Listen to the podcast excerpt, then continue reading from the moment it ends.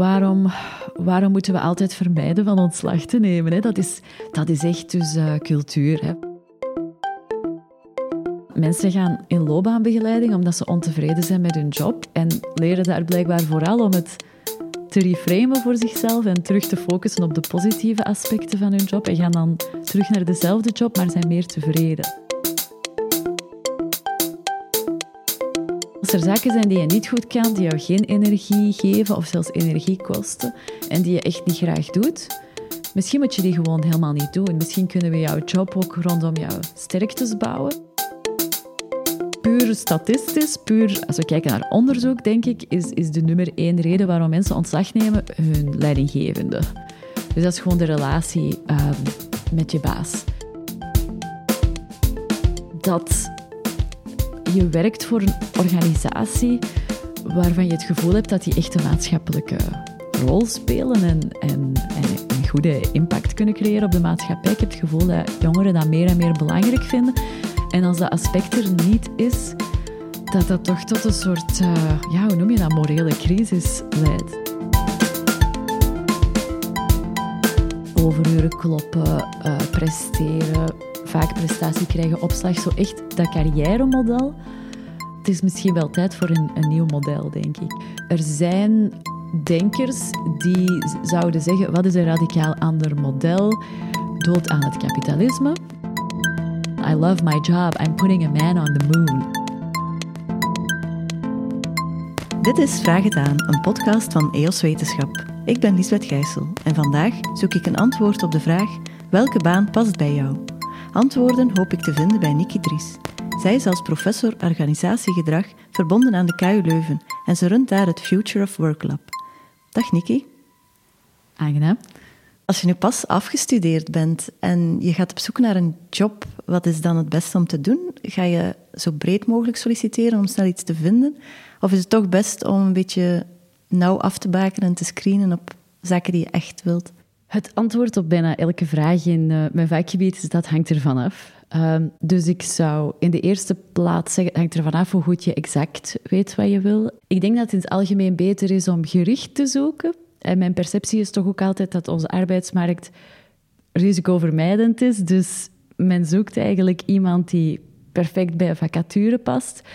Ehm, maar ik zou wel het advies geven om eigenlijk, ik zou zeggen, breed zoeken en selectief kiezen. Dus ik denk zeker voor pas afgestudeerden dat het interessant kan zijn, al is het maar om, om te oefenen um, met solliciteren, om eigenlijk wel vrij veel sollicitatiegesprekken te doen, maar idealitair heb je ook wel een idee van wat je specifiek zoekt. En ik denk wat recruiters vaak zoeken, is ook een soort uh, verhaal over passies of interesses die je bijvoorbeeld dan had in je kindertijd, als we het hebben over mensen zonder werkervaring. Zodat het, het verhaal van wat je zoekt eigenlijk logisch en uh, consistent overkomt bij uh, mogelijke werkgevers. Maar het is dus wel goed, zeg je, om veel mails te sturen en toch op gesprek te gaan. Ook al heb je al in je achterhoofd van misschien is dat toch niets voor mij. Ik denk voor een aantal redenen zou dat mijn advies zijn. Ten eerste, stel dat je nog niet goed weet wat je exact wil.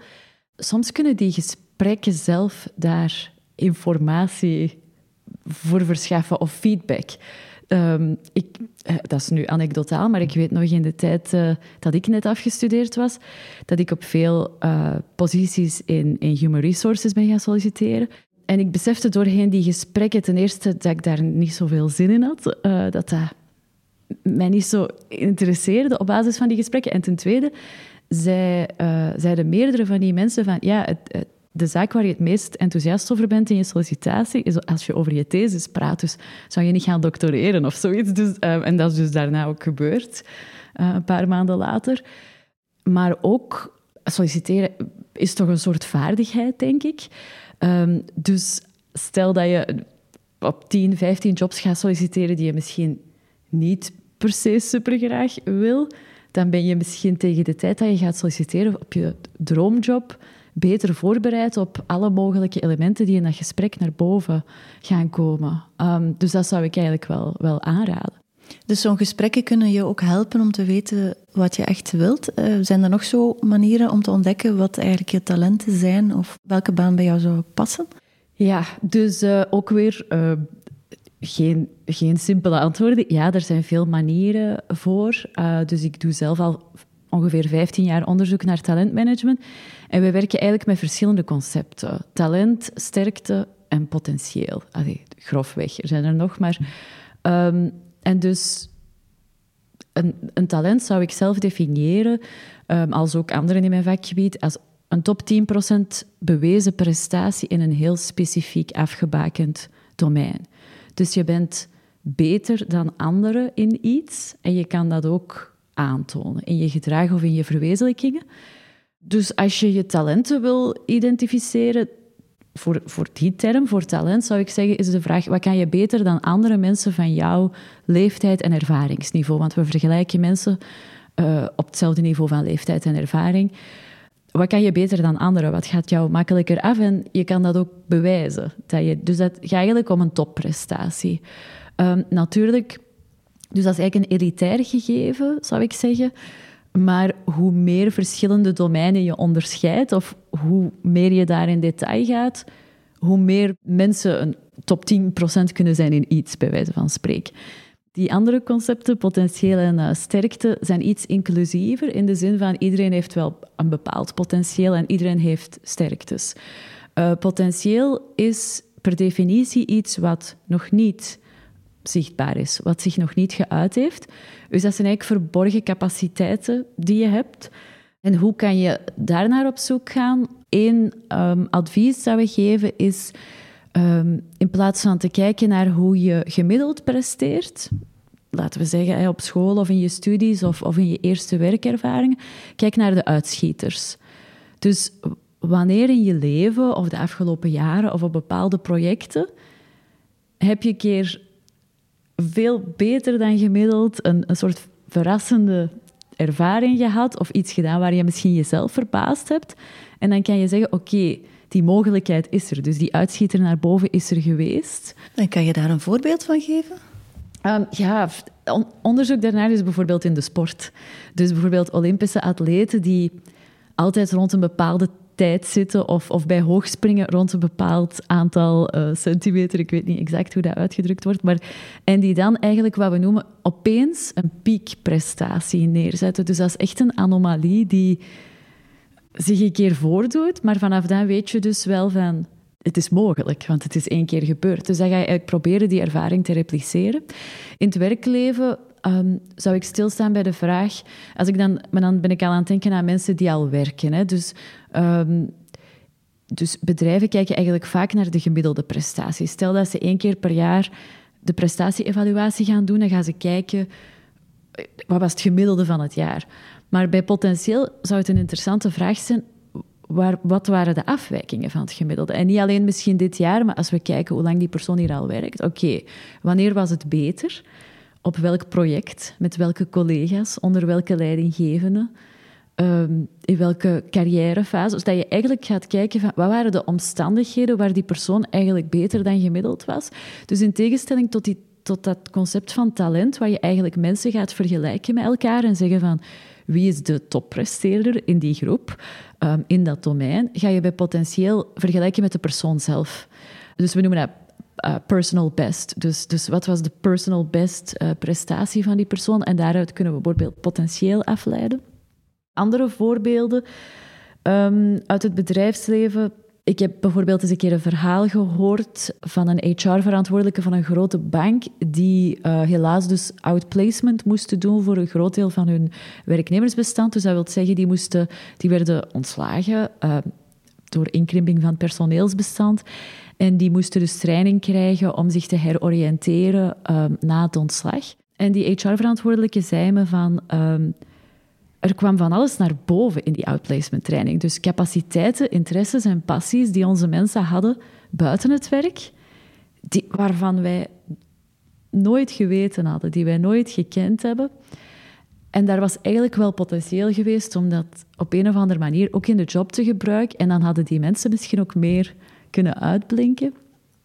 Um, dus bij potentieel gaat het gewoon over wat zijn alle dingen die je kan, die je nog nooit hebt kunnen gebruiken. En dan het laatste concept, dus die sterkte, gaat terug weer over um, zaken die wel al gekend en ontwikkeld zijn, maar waar je, meer, ehm, waar je ook meer in vergelijking met jezelf gaat kijken. Dus bijvoorbeeld, ik, ik heb eerder een, een talenknobbel dan een wiskundeknobbel.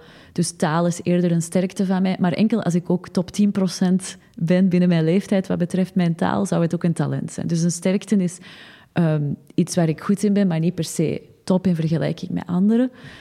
En wat daar interessant is om naar te kijken, dus, dus hoe men een sterkte definieert of hoe men adviseert dat je dat detecteert bij jezelf of, of leert kennen, is dat je nadenkt van um, wat gaat mij makkelijk af, wat geeft mij energie, wat kan ik goed en wat doe ik graag.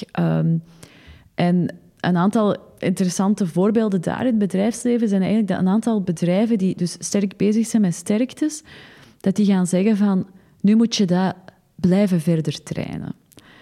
Dus dat is een interessant idee ook, denk ik, als, als afgestudeerde of als jonge werknemer.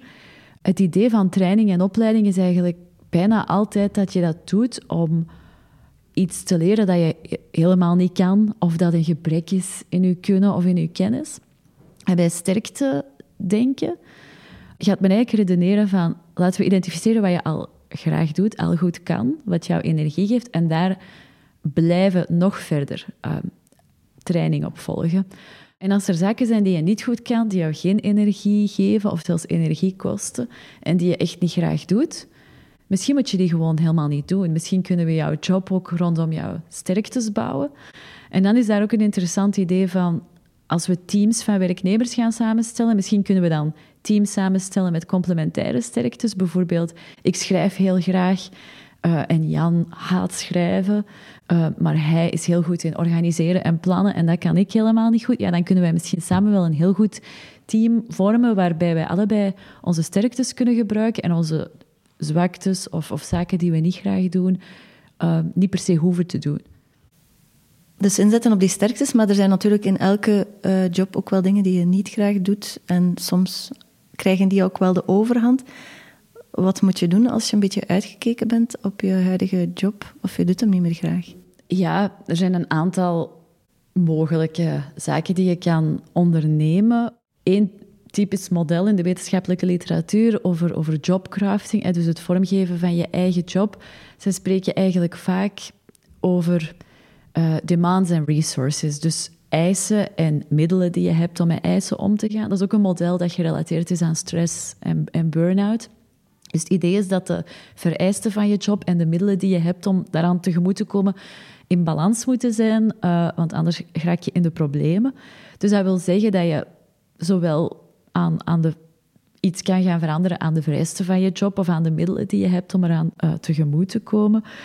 Je kan bijvoorbeeld halftijds gaan werken om de vereisten van je job te, te, te verminderen. Of je kan zaken delegeren. Of je kan nee gaan zeggen tegen extra taken of, of nieuwe projecten.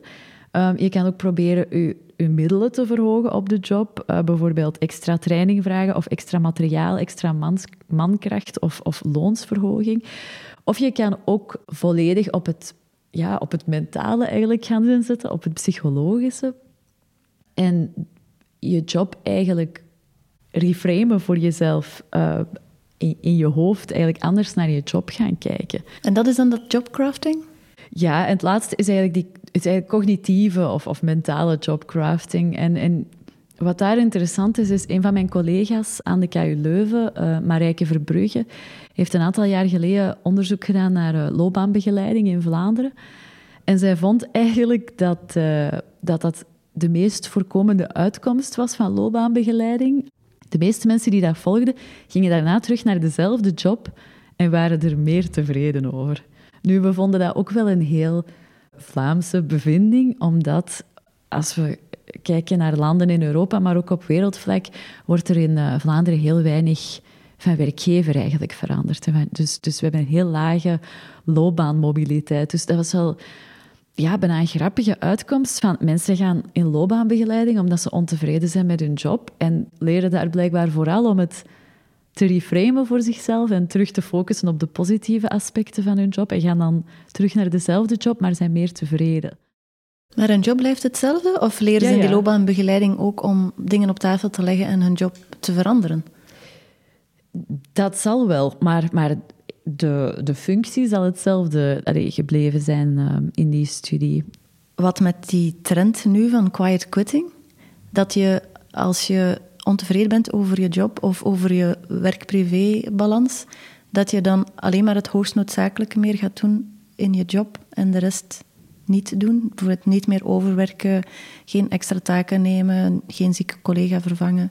Ja, ik ga heel eerlijk zijn. Ik, ik weet niet of dat, of dat echt een ding is die quiet, dat lijkt me zo een hype-woord op social media. Ik heb er geen onderzoek naar gedaan. Ehm, het is geen wetenschappelijk concept. Dus, uh, en ik, ja, op Twitter las ik iemand die zei: Is that not just working? En eh, dat denk ik dus ook. Um, dus ik weet niet of ik per se geloof in quiet quitting. Wat ik eventueel wel geloof, is dat er gezien de omstandigheden op de wereld vandaag de dag en het feit dat we juist uh, uit meerdere lockdowns komen, dat er misschien wat uh, cynisme, ik weet niet of dat het juiste woord is, maar dat mensen anders tegenover hun werk staan.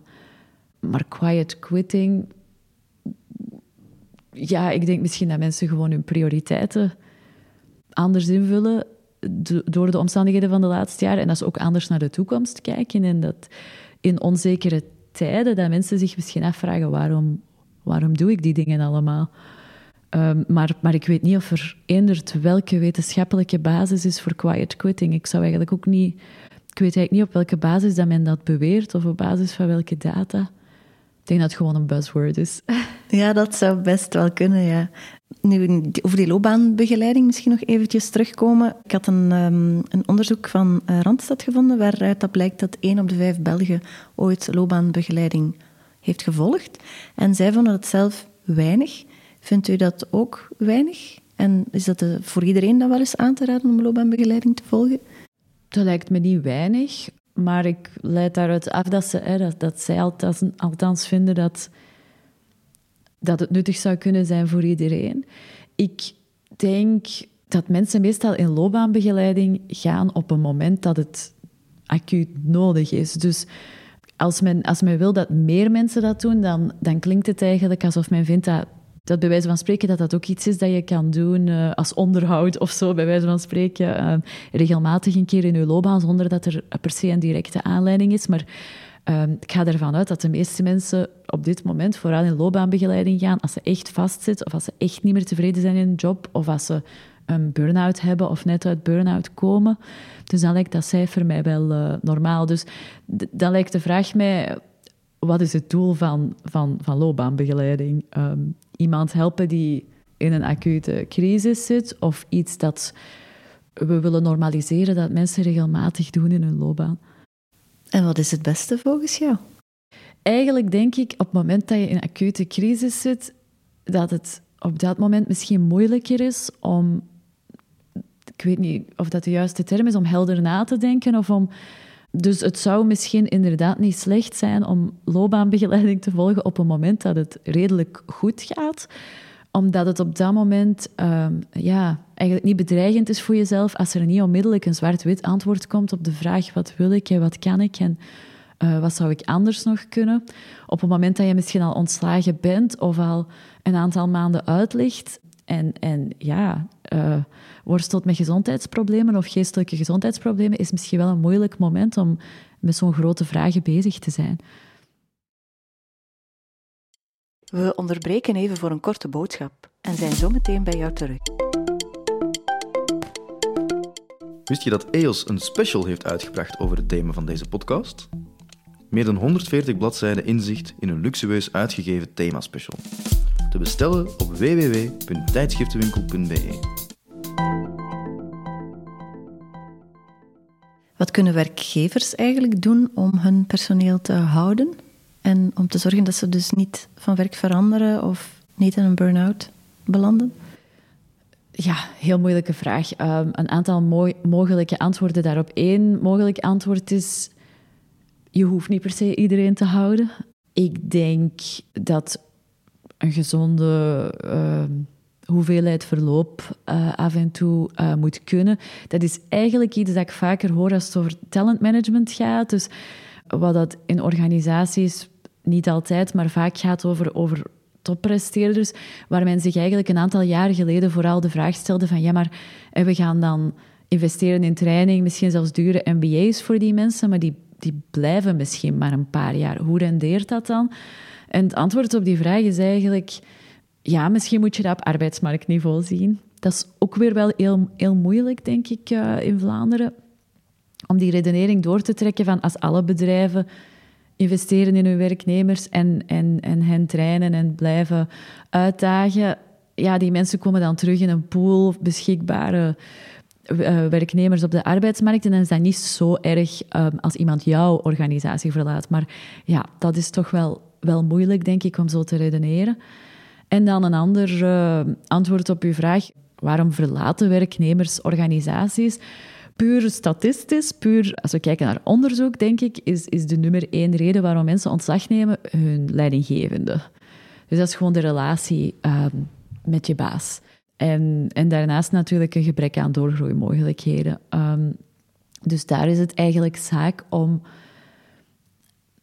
ja, wat in grote organisaties zeer moeilijk is, om echt loopbaangesprekken te hebben met individuele werknemers en uit te zoeken van waar zien wij die persoon naartoe gaan en wat wil die persoon zelf. Want mensen hebben natuurlijk niet graag het gevoel dat ze een soort pion zijn um, in het loopbaanpad dat iemand anders voor hen heeft uitgestippeld. Maar natuurlijk rekening houden met de loopbaanwensen van elke individuele werknemer is wel een grote uitdaging. Uh, maar wat mensen graag hebben natuurlijk, is, is dat ze bijvoorbeeld een coach of een mentor hebben. Iemand die niet hun direct leidinggevende is en die hen niet evalueert, maar die wel loopbaanadvies kan geven. Um, en zoiets kan je wel opzetten, omdat veel mensen het ook leuk vinden om zelf coach of mentor te zijn, op voorwaarde dat er natuurlijk niet uh, superveel werk is. Bijvoorbeeld één keer per maand een, um, samen gaan lunchen of zo. Ja, ja, dat kan dus wel helpen om, om je pad wat uit te stippelen en mhm. te bespreken. Ik wil het ook nog hebben over wat werk eigenlijk voor ons betekent. Um, zoeken wij zingeving in ons werk? Willen de meeste mensen van hun hobby hun werk maken? Of zijn er ook wel best veel mensen die tevreden zijn met ik werk om te kunnen leven en mhm. ik leef niet om te werken. Ik vind zingeving enorm belangrijk. En als we dan toch terug op het onwetenschappelijke concept van quiet quitting uh, moeten uitkomen. Als quiet quitting al echt is, denk ik dat dat daarover gaat. Een gebrek aan zingeving in, in uw werk. Het is ook mijn perceptie. Ik heb er geen onderzoek naar gedaan, dus ik kan het niet hard maken, maar ik geef wel veel les en ik, heb veel, ik zie veel jonge mensen aan de universiteit. Ik heb het gevoel dat dat belangrijker en belangrijker wordt. Dat je werkt voor een organisatie waarvan je het gevoel hebt dat die echt een maatschappelijke rol spelen en, en, en een goede impact kunnen creëren op de maatschappij. Ik heb het gevoel dat jongeren dat meer en meer belangrijk vinden. En als dat aspect er niet is, dat dat toch tot een soort, uh, ja, hoe noem je dat, morele crisis leidt. Dus als quiet quitting al echt is, denk ik dat dat daarover uh, gaat. Ik denk dat er wel degelijk, als je het aan de mensen zou vragen, ik weet niet hoeveel, maar dat misschien wel de helft van de mensen of, of iets minder zou zeggen van, ja, ik, ik werk gewoon om te leven. Mag ik gewoon mijn job doen? Moet dat altijd van die hoogdravende concepten en hogere doelen? Maar toch denk ik dat zingeving altijd beter is. Ik, ik denk altijd dat als iemand zegt ik werk gewoon en die zingeving hoeft niet, ik denk dat dat een vorm van coping is. Met een situatie die niet optimaal is voor, voor jezelf. En dat je daar op die manier mee omgaat. Dat je je eigenlijk beschermt voor... Om anders tot de conclusie te komen, ik vind mijn job niet zo zinvol. Nu, dat gezegd zijnde, um, zingeving is iets individueels. En elke job kan je perfect zin geven. Of iemand kan een job doen die andere mensen heel zinvol lijkt, maar die persoon ervaart dat niet zo. En dus in, in de Amerikaanse literatuur, zo een case die men graag bovenhaalt, is uh, ten tijde van uh, de maanlanding. Dat er iemand een gesprek voerde, ik denk een onderzoeker, met uh, iemand van de, het poetspersoneel bij NASA. Um, en die persoon zei van, I love my job, I'm putting a man on the moon. dus dat is zo'n voorbeeld dat ze in de Amerikaanse uh, case studies graag geven om te zeggen van, zingeving in je job uh, is het verhaal dat je er ook, ook voor jezelf van maakt. Maar op het moment dat je dat verhaal dus niet meer kan bedenken of, of niet inziet, denk ik wel dat dat suboptimaal is, om het minste te zeggen. Ja. Dus het is goed om na te denken over wat is hier eigenlijk het hogere doel van mijn job? Maak ik Mhm. daar mensen gelukkig mee? Maak ik de wereld beter? Ehm, Ja, dat is eigenlijk de vraag, waarom doe ik dit? En waarom ben ik eventueel wel bereid, niet dat dat moet, maar om overuren te doen of om, om, om vrijwillig nog wat taken op te nemen die niet tot mijn takenpakket behoren? Of waarom ben ik daar helemaal niet toe bereid en moet elke minuut van mijn tijd... eh, en nogmaals, eh, die mensen hebben misschien ook gelijk, hè, dus... Dat is een grotere discussie, maar ik, ik denk gedeeltelijk dat er ook wel limieten zitten aan ehm, het loopbaanmodel van de jaren negentig, zodat echt dat heel corporate denken en overuren kloppen, eh, presteren, vaak prestatie krijgen, opslag, zo echt dat carrièremodel. Het is misschien wel tijd voor een, een nieuw model, denk ik. en hoe moet zo'n nieuw model er dan uitzien? Ja, ehm, dus een van mijn nieuwe onderzoekslijnen, maar daar kan ik nog vijf dagen over praten, dus dat gaat ons te ver brengen misschien. Maar ehm, dus, ehm, we hebben recent een Future of Work Lab opgericht binnen de faculteit Economie aan de KU Leuven. Maar daar focussen we echt op de verre toekomst. Dus het idee van utopieën en dystopieën, maar dan heb ik het over 100 jaar bijvoorbeeld. Omdat wat we vaak doen eh, in het bedrijfsleven of in ons vakgebied is we denken wel aan strategie en vooruitplannen, maar je plant dan altijd een paar jaar vooruit. En het probleem daarmee is dat je eigenlijk bij, elke, bij elk voorstel voor radicale verandering, dat je eigenlijk gaat focussen op haalbaarheid, betaalbaarheid, realisme, ja maar. Dus je kan alleen maar kleine veranderingen inbeelden. Dus wat wij doen in ons lab, is dat gewoon helemaal omdraaien. Oké, het is 2100 of het is 2500.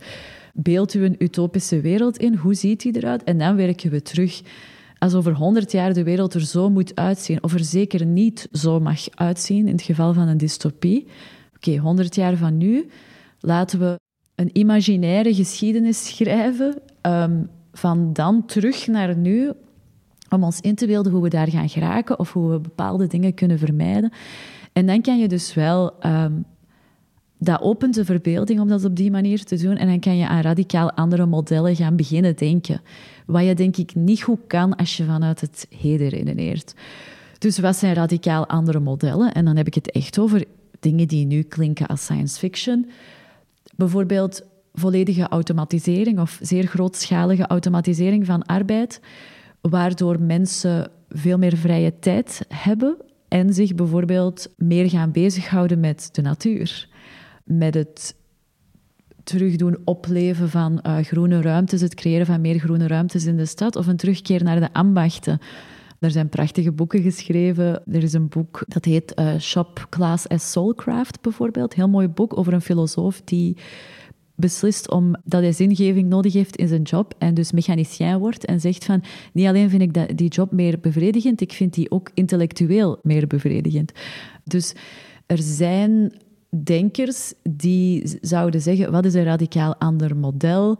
Dood aan het kapitalisme, een einde aan de focus op constante economische groei, want dat is ook nodig om de klimaatcrisis op een of andere manier recht te trekken, is, is al het foute woord, maar uh, te bufferen, denk ik. Terug een focus op zinvol werk in de zin van um, meer in, in kleinere groepen, ambachten, kunst geen bandwerk meer, geen, uh, niet heel de dag achter de computer zitten, want eigenlijk is dat een job voor algoritmes. Hè? Als je ziet hoeveel informatie of hoeveel e-mails wij allemaal moeten verwerken, onder, alle onderzoek wijst uit het menselijk brein is er niet voor gemaakt.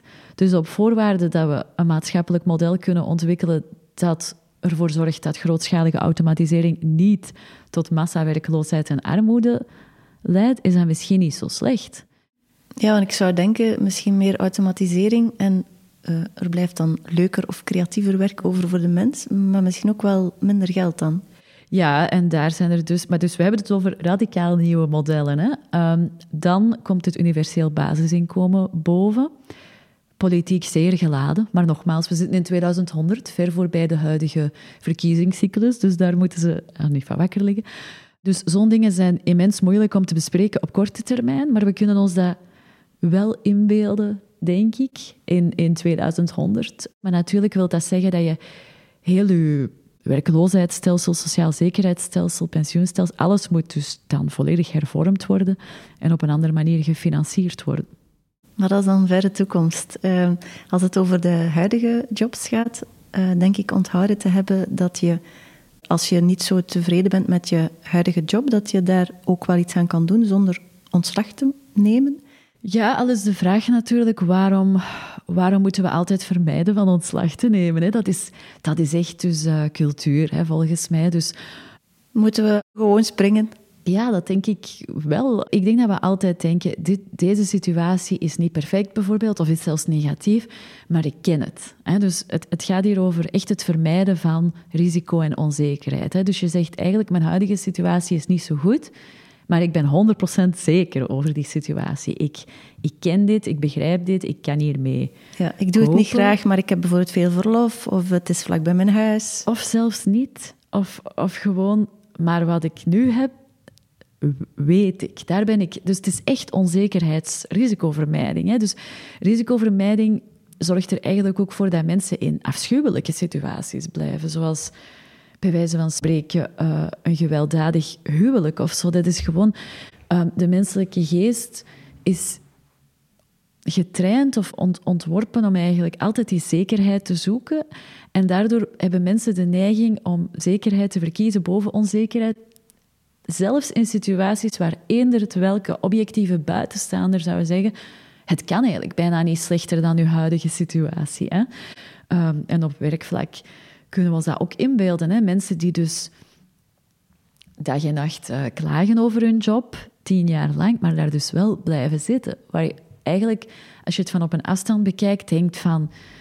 Maar uh, hoe kan het dan nog slechter? Hè? Een andere job kan toch hoogstens tegenvallen, maar het is nu al zo negatief. Hè? Maar, dus, maar mensen, veel mensen blijven in cirkeltjes draaien van... Uh, ja, maar ik weet niet hoe een ja, andere job Dan kan misschien toch uh, loopbaanbegeleiding of coaching een uitkomst bieden. Ja, of ja. En, en gewoon ook uh, proberen, hè, springen. Hè. Um, natuurlijk met de bedenking dat je... Ja, um, als je hè, dan, dan is de vraag, hoe kan je jezelf wat zekerheid bieden terwijl je dat risico neemt? En dan denk ik dat dat belangrijk is om, um, om na te denken over over de vereisten van de arbeidsmarkt, dat je toch nog wel af en toe je bijscholt. Of als je van job verandert, ja, dat zijn eigenlijk allemaal dingen die op je cv gaan. Dus, dus het idee is eigenlijk, uh, ik denk dat die term intussen terug wat uit de mode is, maar een aantal jaar geleden was het allemaal employability, hè? dus uh, inzetbaarheid eigenlijk. Dus uh, hoe kan je zorgen dat je een profiel hebt waar je nog meerdere kanten mee uit kan of, of waar je wel opties mee hebt? En dat wordt natuurlijk altijd gekoppeld aan levenslang leren en zo. Maar dus ja, dat je eigenlijk je loopbaan een beetje in eigen handen neemt, een beetje loskoppelt van je werkgever en zorgt dat je wel aantrekkelijk blijft op de arbeidsmarkt. Dat is gemakkelijker gezegd dan gedaan, dat besef ik ook wel. Maar zolang natuurlijk dat je een profiel hebt dat wel aantrekkelijk is voor meer dan één werkgever, dan kan je best wel eens veranderen. En de zekerheid die je hebt, is eigenlijk je eigen profielen. Ja, ja. Dat zijn uh, interessante tips om mee te nemen, denk ik, voor uh, de luisteraars en voor, uh, ja, voor mezelf en voor jou waarschijnlijk ook. Hè. dankjewel, Niki, voor het interessante gesprek. En jij, luisteraar, dankjewel om te luisteren.